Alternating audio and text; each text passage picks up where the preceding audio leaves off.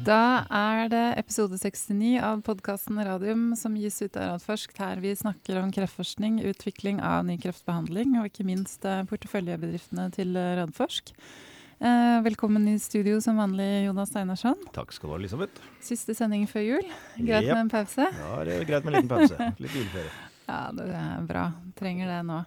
And we have some special guests uh, to uh, here today. Eduardo Bravo, CEO of Nordic Nanovector. Very well, welcome to the studio. Thank you very much. Yeah, and also Marlene Brunberg, uh, IR uh, responsible in Nordic Nanovector. Welcome. Thank you very much. Yeah.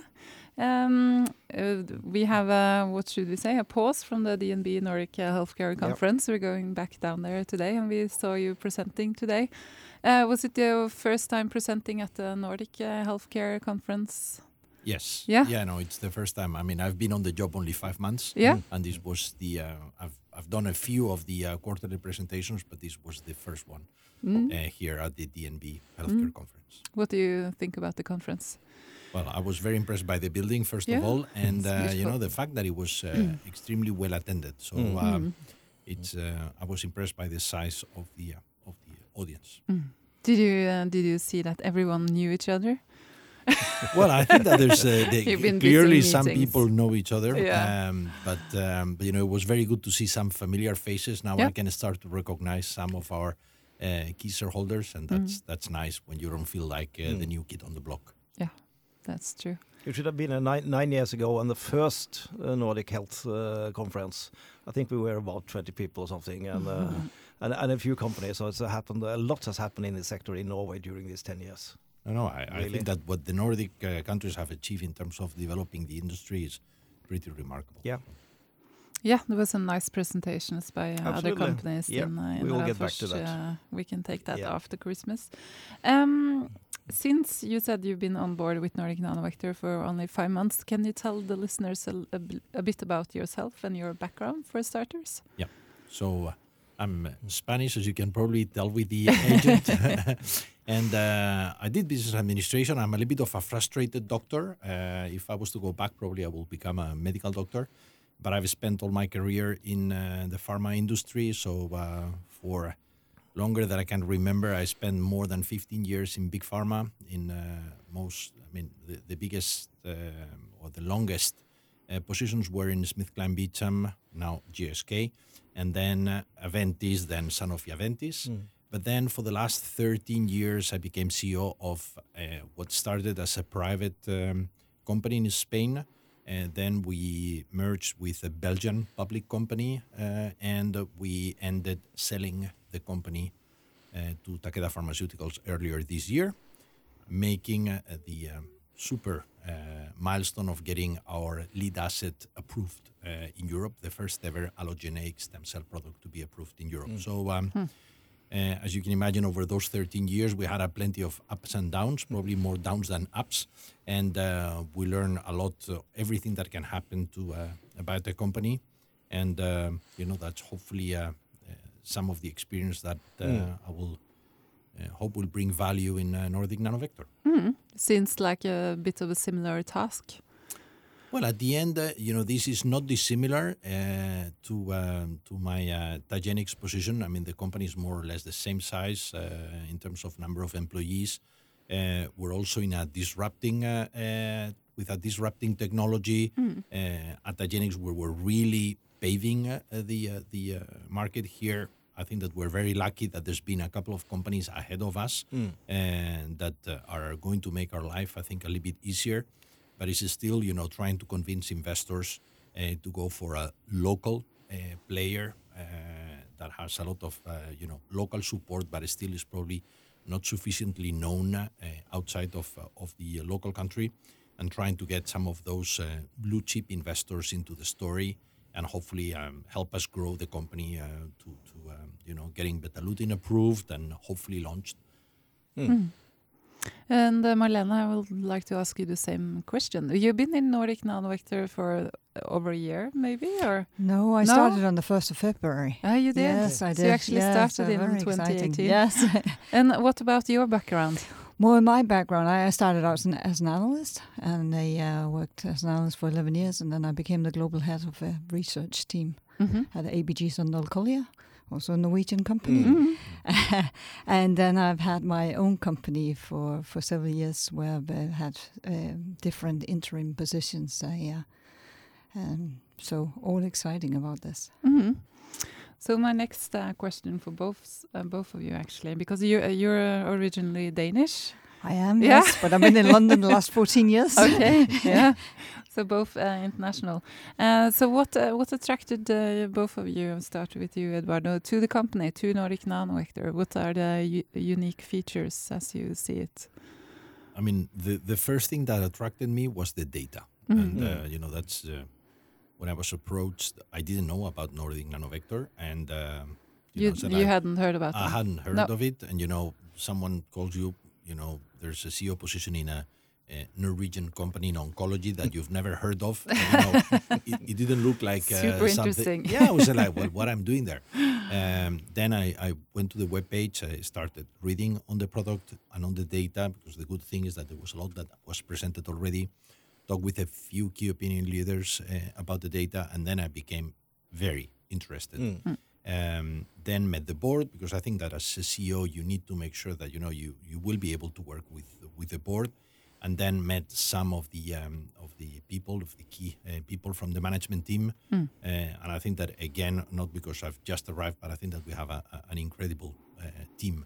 Yeah. I think that you know having that team already in place um, and uh, and you know the data we had, I thought that you know we had most of the ingredients that were required and you know the company being at the stage as it was with you know f- almost a phase two a pivotal trial ongoing and, and a lot of uh, you know for a company our size a lot of programs in clinical development i thought that i could really my previous experience would really be of value. So uh, you need to feel as well that you're going to contribute to the success of the company.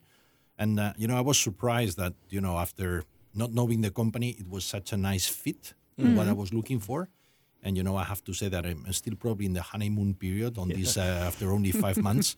Uh, but you know, I'm I'm still as in love as I was on uh, first sight. So I'm very happy of staying where I am.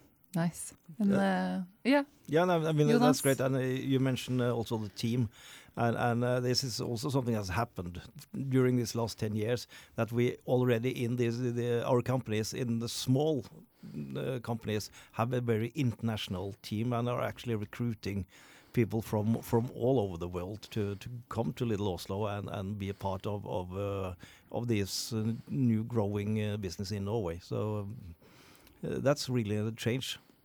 And I think that is is a key change. Yeah, I think that without the right team, uh, it doesn't matter how good your product is, you will not make it. So um, I think that I think that U.S. companies know this very well, and they spend a lot of uh, time and energy in putting the right team first. Yeah. Um, and you know, I, I cannot today dream of a better team uh, for doing what we need to be doing. So I'm very Mm. happy with with uh, the uh, what I found when I arrived. Yeah. good. Marlene, what's with you? Yeah, well, I totally agree with Eduardo. First of all, I think it's a very uh, promising uh, product we have in in uh, in development, and then secondly, it's a very uh, it's a very uh, very good team. Uh, it's a very good team to work in as well, and a uh, very international team, a very experienced team. So um, yeah, so very very good. The- One question to you, because you have worked with uh, investor relationships uh, in many countries, uh, and probably countries where this uh, this kind of business are more mature, and uh, the investors know more about the, the industry in in the, this rather special sector. How has that been coming to to Norway and meeting the Norwegian investors? I remember they are listening now. Yeah, yeah, yeah, yeah. Well, they're You need to great. In, they're great in Norwegian investors. Uh, uh, we do have a lot of investors, of course, and uh, that's sometimes what we need to remember as well. Despite we get a lot of questions, and we try to answer them as quick as possible. But of course, sometimes because there are so many questions, and there's uh, we have nearly nine thousand investors, Yeah. and there's only one IR, so uh, so we are trying to to reply. But Yeah. they um, no, I th- I think they There's a uh, lot of interest from the investors. Investors. Very They- good, They, yeah. don't only buy the shares and then put no, them in no, the no. drawer. They're really No, interested in the technology and the company. I agree, and Yeah. there's a lot of knowledge among Yeah. the uh, investors as well. So, um, so all the the feedback I get, and all I filter that to the to the or send that to the team, Mhm. um, and I filter that through the whole organization. Yeah. So we use the feedback that we get. So um, we That's re- try to listen as Yeah. as much as possible. Yeah. Great.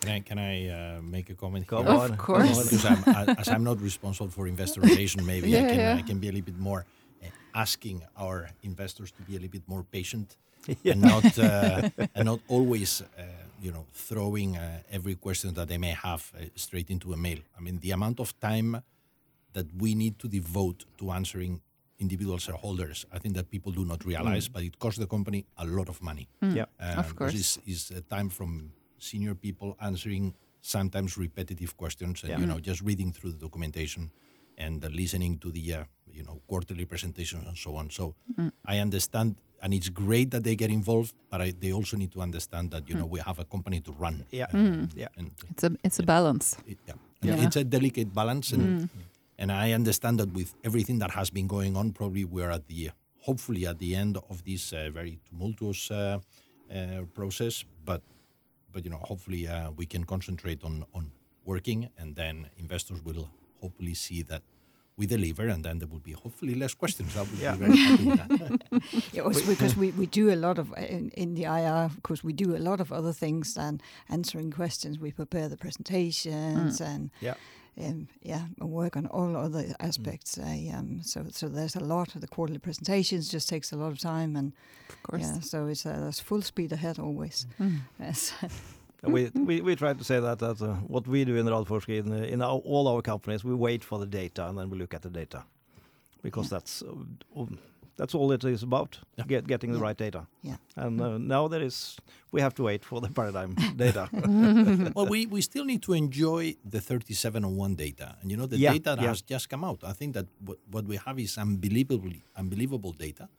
And, uh, and, you know, I think that people need to realize that, again, for a company our size, you know, maybe it was very expensive to do the uh, Limrit 3701 as we did it, and there were many patients. I think that the advantage now is that we have data on 74 patients. Yeah. This is almost a phase two Yeah. for uh, for any other oncology company. So I think that the risk of paradigm is significantly reduced. And you know, for the first time, maybe I'm jumping ahead uh, uh, on the questions. no, no, come on. For for the first time, we have presented as well, you know, the rituximab refractory third Yeah. line patients, which is exactly the patient. Well, it's anti CD20 in in paradigm, but you know, it, and and we show, you know, again. S- 60 plus um, overall response rate, Yeah. which is the uh, the primary endpoint on, on paradigm. So I think that I'm, I'm surprised that investors do not feel happier Yeah. uh, about the data. I'm, Um, I, I, I am really happy about it, and I've, I've told uh, the listeners that in in earlier podcast. Absolutely, and what, what I see is that when, when you have the first data from 20 patient, 25 patient, your, your your hope is that you can keep up those good data with more patients, and that that gives this data more being more mature and more secure that you will see the same results in in the paradigm. So you emphasize that very very strongly today that it is that we have so much patient that that is the strong point of uh, of uh, of the of the Limrit 3701. yeah. Yeah. But maybe we can dwell a bit uh, on the clinical data that you were referring to. Maybe you can take us uh, through the the highlights. Absolutely. I mean, Mhm. I, I love to. this is what I like the most. Um, I think that I will start, you know, going through the way we present the data. I think that the first thing that we need to rem- to remember is that the type of patients that we included in the trial, and you know, we have a, a relatively older than the average for other trials patient population. On average, 69 years old, hmm. and we have patients up to 87. Uh, but you know, the average is 69, which is five to seven years older hmm. on average than the previous trials, and that makes a difference. Hmm. We had patients that were very advanced, against more than two thirds grade three or higher, and again heavily pretreated. So average is three. Some patients up to nine previous mm. therapies, hmm. but you know again two thirds of the patients with at least third line.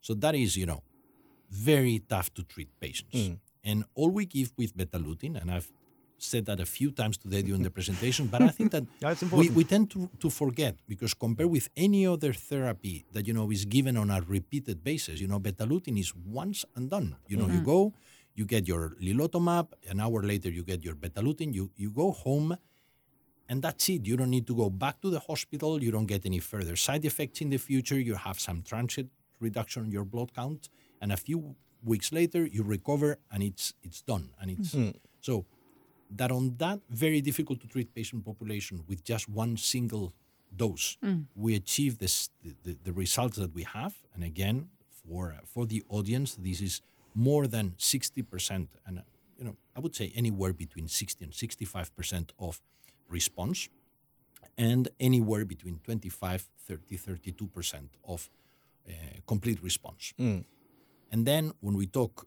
duration of response that i'm sure that is going to um, to make it to the questions you know overall is nine months and we will discuss why it's gone down. Yeah. but you know on the complete responders is over 21 or 20.7 months and most of the patients on the complete responders are still ongoing. What hmm. does it mean? It means that today you're over 70, you've received more than three th- lines of therapy, you have nothing else, you get one therapy, and you have around one in a third. So one out of three patients will be free of disease hmm. for over two years on hmm. average. You know, that is, is f- with one, you know, with Yeah. one dose. I mean, this hmm. is almost too good. I mean, I was the other day with a Spaniard, a Spanish opinion leader. It's like, hmm. it's almost frightening. You know, it's, it's so good that you know you you almost look at the data and like, is this for real? And Yeah. that I think is what we need to stress: is this is why doctors get excited. This is hmm. why patients get excited. And of course, uh, at, at that time, I mean, the, you will now compare two do- two uh, different doses. But if you had a sort of third arm with uh, ex- existing therapy, and if you measured then quality of life for these patients on on the other kind of therapy and on on betalutin, uh, and uh, the authorities are are uh, eager to get data on quality of life, I think you could come very good out of that Yeah. comparison. So we th- that's part of the uh, of the data that we're going to be um, getting out of Paradigm. Um, but again, you know, if you compare with what exists today, the approved products, uh, Copanlisib is out of the three products uh, with conditional approval that has the best data. And again, I keep asking, you know, you can you can choose between Copanlisib or Betalutin. You know, Copanlisib, you have a 14% chance of getting a complete response and a 54% chance of getting a response. You need to go to the hospital every week during three weeks, one week off, and again every week, and that for the whole year. So you go to the hospital, if I'm something like 37 times in the year, uh, just to get your injection with your side effects associated, or you go once and uh, you you you have a 32% chance of getting completely free, or uh, 60%, two in three, of having a response. You know, I, I I know which one I will choose. So Yeah. uh, I think that we have a, a an incredible product compared with what exists today. Yeah, and of course you you you are obliged to say that there is a sixty percent overall response rate. But when I look at the water plot, well, waterfall plot, I, I see that ninety percent of the patients benefits in some way from the treatment. That's that's a that's I'm I'm happy that you make uh, the comment because the, what we have started presenting as well from us this year is the stable disease. Yeah. And if you look at the patients, uh, it's looking at the tumor size is one way, but if you look at the progression, which is another way, uh, probably is the most medical way of looking into this, only 20% of the patients progress. So there's about 60% that responds, there's about 20% that remain stable. So again, Yeah. if you've gone through everything and with a single dose your disease starts into stable disease, and we have some, uh, the the the, um, the data is there on the slide, but there's some patients that have been on a stable disease for three years. So okay, your tumor doesn't shrink, but it doesn't grow, no further treatment, no side effects, and you've been on free of uh, worries for three years. Yeah. It's a it, I, I wouldn't mind taking that. No, uh, I fully agree. But we have to get back to the medium duration of response. We had because- so because many I- questions on that. yeah, and and, and, and I. I fell on that because uh, when I was asked, uh, we talked about in in the podcast after uh, before this uh, data came out, I said that there's no way that the medium duration of response is going down from 13. 13 months because I, I, I then actually didn't understand how you measure the medium duration of response. And very nice if you can explain that very clear. well, that's uh, I will do my very best. So first, median duration of response is calculated on every patient that has a response, either a complete response or a partial response. So that's the reason, looking at our data, why the number comes down to 45. Because if you look at it, there's 45 out of 74 patients that responded. So then our number becomes 45. We need to forget about the other ones because you, you do not include them in any calculation. And because of, on this plot of the, all the patients, the stable disease patients were included. Some people made a lot of mistakes on the way they were calculating by hand yeah. the duration of response. Mm. So you can only do the numbers with partial response and complete response. And then it's very easy. You need to have at least half the patients go above the median duration, half the patients below, because it's, it, it should be read as what is the probability of a patient, and the probability is that half the patients will have a duration of response today below nine months, half the patients will have a duration of response above nine months. Okay. Okay. Now, why it went down? It went down because there's patients coming in. Mm. So any patient that got a response at the very beginning counted as a patient below the median duration of response. Even if the patient is still alive, still being followed, mm. That patient has not gone through the median duration of response. So your your numbers go down. Okay. So patients coming in plus one patient that had a relapse before going into median duration of response made the the uh, the uh, median duration of response go from 13.5 to 9. As I've explained as well today, if you look at the graph, the line of the median duration of response is flat between 9 and 13.5 mm. simply because there were no visits on that period. Okay. So we will not have a, a- unless there's the, the, the patient in the middle gets a relapse in the middle of it, the most likely outcome is that we will go, we will have a number that is either 9 or 13.5 or 15, because those are the three points in that curve Okay. that where we can be with the four patients that are still being followed up. Yeah. And until the patients that have been followed up go through the median duration of response, you don't have a final median duration of No. response. So we know that for the overall median duration of response, that number is going to be between 9 and 15. Yeah. That's it. Hmm. For the complete responders, which today is 20.7, there's no limit to where it can be. It cannot be lower than 20.7 Thank you. but it can we, we don't know how long it can No, be because imagine right. that until half the patients fail and then you know that it cannot go higher and most of the patients are still ongoing Yeah. so Yeah. more than good. half the patients are Yeah. still ongoing you don't have a median duration of response of failure so No. we need to wait So yeah. So for the whole uh, population, there will be between nine and 15 months, yes and uh, for the complete responses, it will be at least 20.7, yes Mm. and then we just have to wait. yes Yeah. How, how great. long do we have to wait? Well, until in the in the case of As the long median possible. duration of response for the complete responders, mm. f- sorry, for the overall patient population, you need the first patient or the last patient responding mm. to go either to fail, mm-hmm. because then if there are no patients uh, that are being followed, it will stay. If all the patients that are still alive today being followed up relapse tomorrow, it will stay at nine months. Mm. Mm. If all of them jump over 15 months, mm. it will be 15 months. It cannot be longer Yeah. because half the patients have relapsed, even without counting those, before month 15. That's the reason why it cannot be longer than 15. No. But if all these four patients were to jump, it could be up to 15. Yeah. On the 20.7, you know, imagine that all the patients do not relapse. I don't think that it will be the case. No. For five years. Yeah. Median duration of response, maybe five years. Yeah. So uh, the data as it is today, worst case, is good enough. Exactly. I mean, Yep. again, we have the best complete Yep. response, the best overall response, close to the best median duration of response, very, very close, on a toughest than any one patient Mm. population, heavily treated patients, and with a product that is given once. Yeah. I mean, No, uh, I, I would not change Betalutin for anything on the market. the listeners know that I agree in, in this. Absolutely, yeah. And I hope that you understand median duration of response a little bit better now. I do. Thank you so much.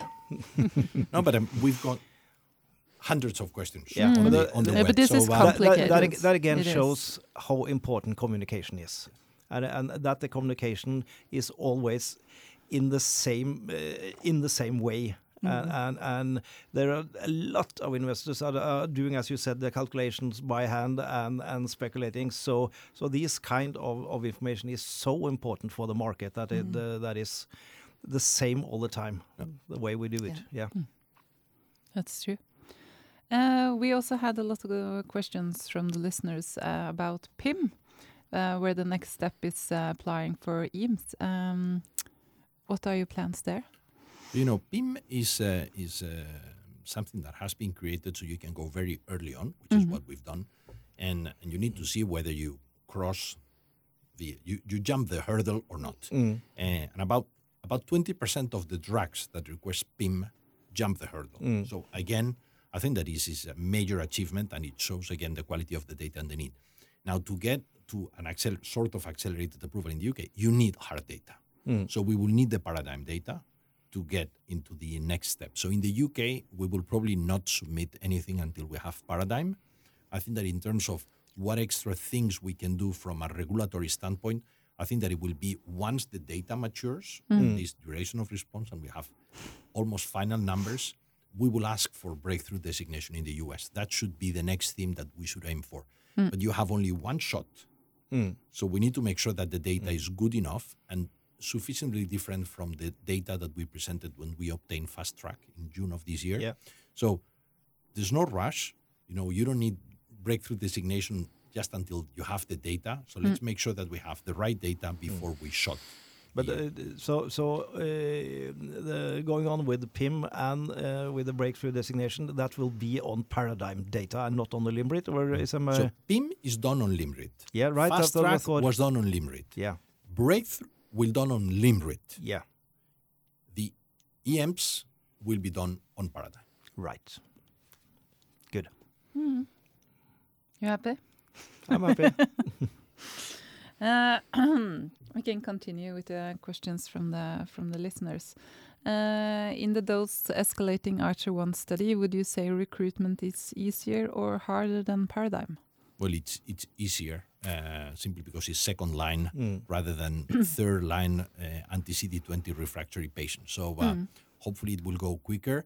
I think that people need to understand that. Remember, this is a dose escalating uh, trial, so you know you need to finalize the first uh, cohort, then wait, then get the second cohort, then wait, and then you can recruit the remaining, you know, 14, 15. We will see how many patients we recruit. But you know, the first two cohorts, because you need to wait a certain number of weeks until you continue recruitment, always takes a little bit longer, and that's the reason why we said, you know, Archer, it's an open trial, so as soon as we have data, we will probably share it. But you know, the date we expect probably recruitment to finalize early next year, early 2020. So Early it will take about 18 months to recruit. Yeah. Yeah. What is the strategy with with with uh, the Archer study? Because uh, there we are combining uh, with the rituximab. Uh, and uh, my thought was that uh, the reg- registration of betalutin is going through Paradigm, and that's uh, the third line.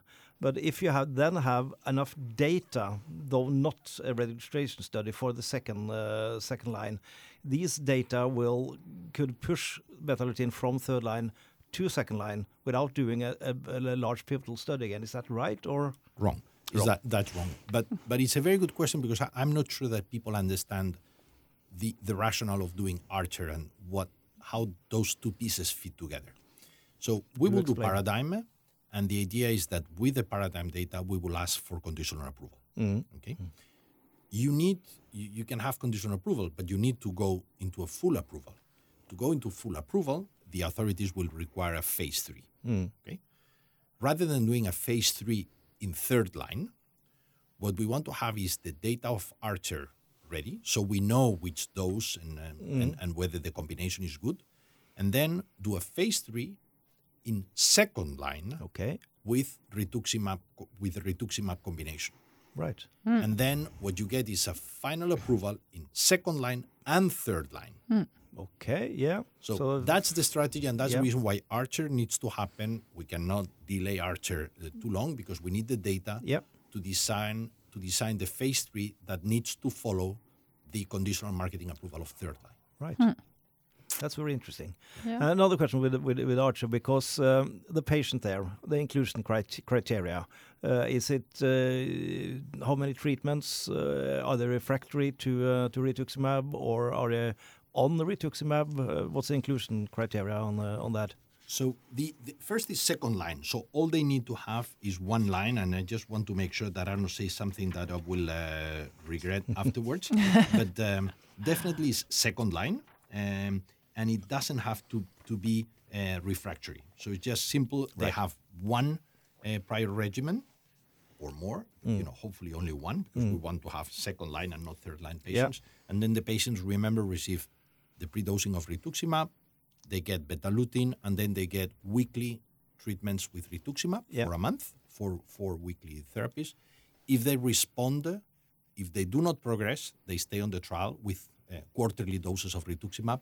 If they progress, they abandon the trial. And the Right. idea is to see, hopefully, whether we can demonstrate that the data we obtain in, in mice, uh, which was, you know, complete survival, Yeah. basically 90% survival of the animals, we can maybe see some of the synergistic effect in patients. Right. Yeah. It's going Then, to, then then I understand how this fits together. The whole the whole strategy strategy of doing Archer one and, and the paradigm. That's that's important to get that through. Yeah, and, and I'm not sure that we've communicated that clearly enough. uh, so you see that, you know, I take the blame sometimes that we, we present those two as two separate Yeah. parts, and they, they are. It, it could be, you know, that we do other combination trials and that the phase three is done with something different than rituximab. yeah, so, yeah. But having Archer ensures that we will have at least a combination for pro possibility Yeah. to go into phase three Yeah. and access phase two and phase uh, second and third line together with Yeah. one trial. Yeah. and when do you expect to uh, to go public with the results, the effects and safety results from the Archer one? So, I mean, again, we want to be careful because of this uh, dose escalation, and you never know whether you will have a, you know, one of these drug-limiting toxicities, which then force you to have more patients. I mean, those parts are always less easy to predict. We are guiding the market that it will take us about 18 months to enroll Archer. So uh, that will mean that we probably be with the results of Archer in the second half of 2020. Okay, and uh, we, we need the results of Archer when we have the results of Paradigm. yeah, Now Yeah. that you understand why No, I they need really to be at the understand same that. time. That's the Okay, so Yeah. so they need to come more or less mid 2020s when we will have hopefully Paradigm data. That's Yeah. when we want to have the Archer data. Yeah, but because in, in, in my mind, I was thinking that first you get the, the registration for the third line, and then you have to start in the, the whole new uh, studies or or um, to to get the second line. But now I understand with your strategy, and if everything goes well, you will get that at the same time. Yeah, but you will Right. get The the- uh, at the end of the phase three. eh? Yeah, I mean, yeah, the yeah. second line you get it only once you've done the phase three, Yeah, which is a confirmatory trial for your third line, and then you get third line and second line. That's, right, right. That's the idea. Yeah, good. this is complicated. It is. no, but it's uh, very interesting to hear. I think uh, also for me it was very Yeah. enlightened.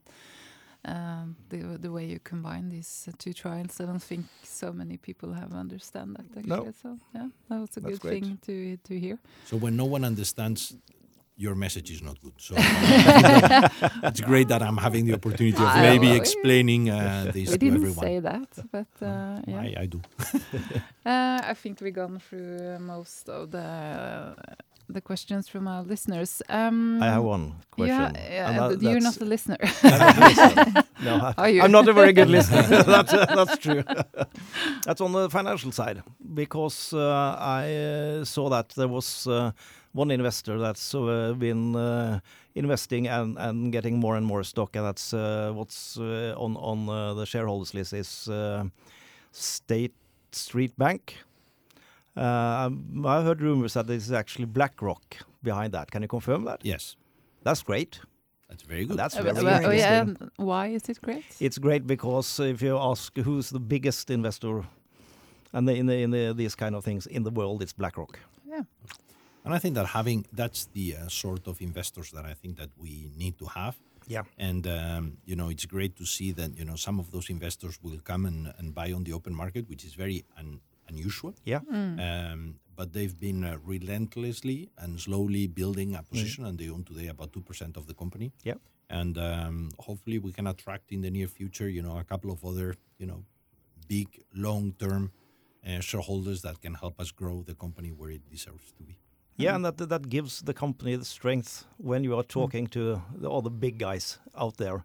That Uh, you know you have your you can turn to your owners if you want to do that, rather than, as you said, sell it out too early. Because I've, I've I'm not in favor of that. Absolutely, I Mm, yeah. cannot agree more. And without you know the without the muscle, uh, it's very difficult to negotiate. Yeah. And uh, you know, negotiating from a position of strength is, you know, the the best thing we can do, and prepare for that because that thing may come. So uh, Yeah. How long have they been on board, BlackRock? I think that they started buying uh, December last year. Mm. Um, so they've been buying over a year. Mm. Uh, so it's uh, slowly but Building up. building up. Yeah. Um, nice Good. to have. Really. Absolutely. Um, you only been with the company for five months, as you said earlier. But uh, how would you sum up uh, 2018? I'm a little bit sad that the market has not recognized what the team has achieved, uh, and um, you know I, I do not include myself there because I think that uh, I can take very little credit from uh, for what has achieved. But um, uh, I understand some of the frustration of our investors as well. But if I look back and where we are today, uh, on on the things that really matter, uh, one on on paradigm, you know, this is. Uh, pivotal trial for a company our size to go from a phase 1b to a pivotal phase 2 from a european trial getting this trial approved in over 20 countries and that means you know when you get a pivotal trial approved it means that the documentation that goes with it cmc things that are very less sexy Yeah. but are key uh, for the company. Um, I think that is, is, a, is a fantastic achievement. If we look from the regulatory uh, standpoint, you know, getting fast track in the US, getting uh, uh, PIM now in the UK, getting, you know, sites open all over the world, including now the US, and, you know, maybe we would have loved to have a little bit more, but you know, this is you know, this is it. It takes the effort, and you know, this is the the team. We are what what we- are. We're 50 people, um, so on that front is is pretty remarkable. And you know, Archer has been started, and Yep. you know, the DLBCL. We've read the first two cohorts We're opening the third cohort Um, I think that from from an investor point of view, I think that the, uh, the jump that we've made in terms of compliance internally, but also uh, reaching out to investors and and uh, re telling the story and hopefully getting some uh, interest uh, out there is is pretty remarkable. So I cannot think of anything that that you know the company should not be proud of, um, and um, I just hope that little by little we will regain the confidence of, of Norwegian investors, and we can only do that by by you know.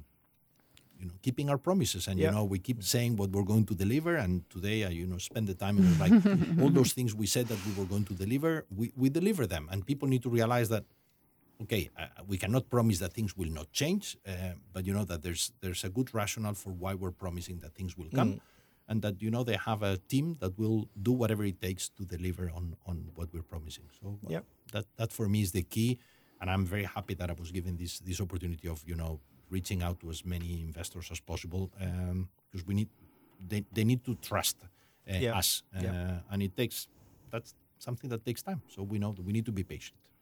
It's good. And uh, looking ahead for uh, 2019, what uh, what should we expect? Um, well, 2019 may be a little bit of a, of a strange year because I, I see it as, a, as an execution year. Um, and, you know, that maybe is less sexy from an investor uh, point of view. Uh, but I think that, you know, if we really want to have uh, Paradigm recruited in the first quarter of 2020, we uh, really need to uh, get it almost done by December uh, 2019. So this is uh, probably going to be our, our key focus, um, probably what is going to be more visible. We're going to be hopefully getting the data of the DLBCL, which I think is, is, a, is a great oppor- opportunity of showing again the activity of the compound. I, I still dream that maybe we'll go quicker with Archer and we may be able to share some data, maybe not all the data, but al- also some activity on this combination. I think that investors will be very appreciative of. Um, internally, I've pushed that we will uh, hopefully get breakthrough, and uh, and we're not promising it. It's not on our list of things, No. but I'm working to uh, deliver on that one because I think that it would be a, again great for investors to um, keep uh, keep uh, interested in the story.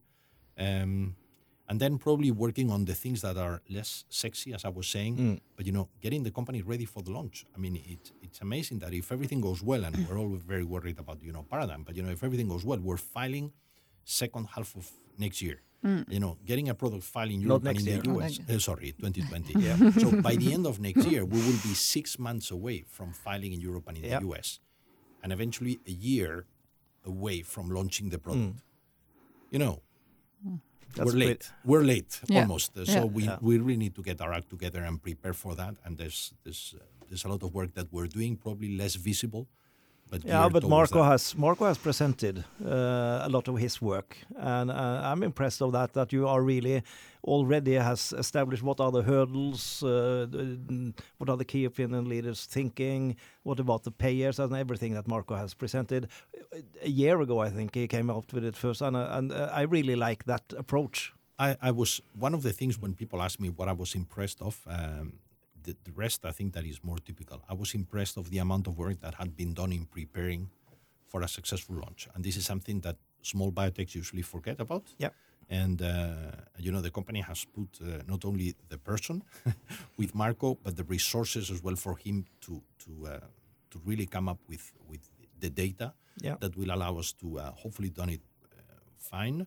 Uh, we've put now a team of uh, four uh, MSLs, just talking to key opinion leaders. They are helping on Paradigm, but they're also, you know, really spreading the word and making sure that the key opinion leaders understand the data and what it will take. And uh, we see the the the impact on the recognition. We have now some very nice data seeing how the uh, how we're seen Nordic Nanovector and Betalutin by uh, key opinion leaders, including in the US, something that was completely you know inexistent uh, just 12 months ago. So all these uh, you know long-term battles that are less visible for investors are happening, and this is work that needs to happen. So when you launch, suddenly you you get all the benefits of all the work that has been done in the past. So indeed, um, I'm happy that you know what we've done. Marco presented it in the Capital Markets Day, Yeah. and this is something also that we're planning on doing in 2019 is having another Capital Markets Day Yeah, where we can explain Yeah. maybe a little bit more detail how we see the commercialization in the US and, and get a little bit more insight into manufacturing and some of the things that we're doing. and and the market for radiopharmaca is also actually really growing. You know, I saw there was an article in uh, I think it was Nature Biotech. Yeah, yeah. and that was great. I mean, uh, there were almost most of the the piece was about. Uh, our companies here in, in, in, in Oslo and Norway and Nordic Nanovector and OncoInvent and uh, I mean it's uh, that's really great. Well, if you look at, uh, I think that Algeta was a little bit the uh, here the the real pioneer, Yeah. and uh, you know, but they were still, and even with with probably with Algeta was uh, before they were acquired, you know, was this doubt about you know some of the other radiopharmaceuticals were commercial failures. So Yeah. like, and now suddenly Xofigo is doing, uh, Bayer is doing a great job, and they they have more than 400 million of sales. So I think that people are thinking that yeah, you can make money with radio radiopharmaceuticals, and then on the back of that, Novartis has acquired two companies, know. investing six billion. And, uh, it's easy to say uh, for Lutathera and uh, the Endocyte. Yeah. So And I You know- noticed that you said that they they bought uh, one of them very cheap for only three point nine billion and dollars. 2.1. I th- I- yeah. 3.9 and I, 2.1. I, I like that. yeah. Very cheap indeed. they are very cheap because we're worth only uh, you know 350 million. So, uh, but but I think that people need to look into those numbers Yeah. um, and understand that you know The potential. the potential Yeah. of a, com- a, a company that makes a product to the market. Yeah. And people need to assess then the risk of Betalutin making it to the market and all those things. But I think that we have an incredible opportunity with Yeah. with Nordic Nanovector. Great. Great. Do you have any more questions? No, I don't think so. No? It's very nice to have you here. And, Yeah, uh, really. If you get too many questions, just come back to the podcast. I'm we will. Yeah, we yeah, can exactly. take We're going to send them them. here. We're going to send them the, postca- the Yeah. podcast because Yeah, I yeah. everything Yeah. was there. It's much more efficient, you know, Yeah. than right typing No, no. answers. No, I'm just kidding. We will come every time you invite us. So um, That's great. It will be a real Good. pleasure and really appreciated the opportunity of explaining everything. Thank you. Så bra. Da tror jeg vi skal si eh, god jul til eh, lytterne våre. Vi sier god jul, og så drar vi ned og hører på mer spennende Ja, selskaper. da skal vi høre Det er mye, mye som skjer i, skjer i Ultimax. Kjempespennende. Så bra. God jul!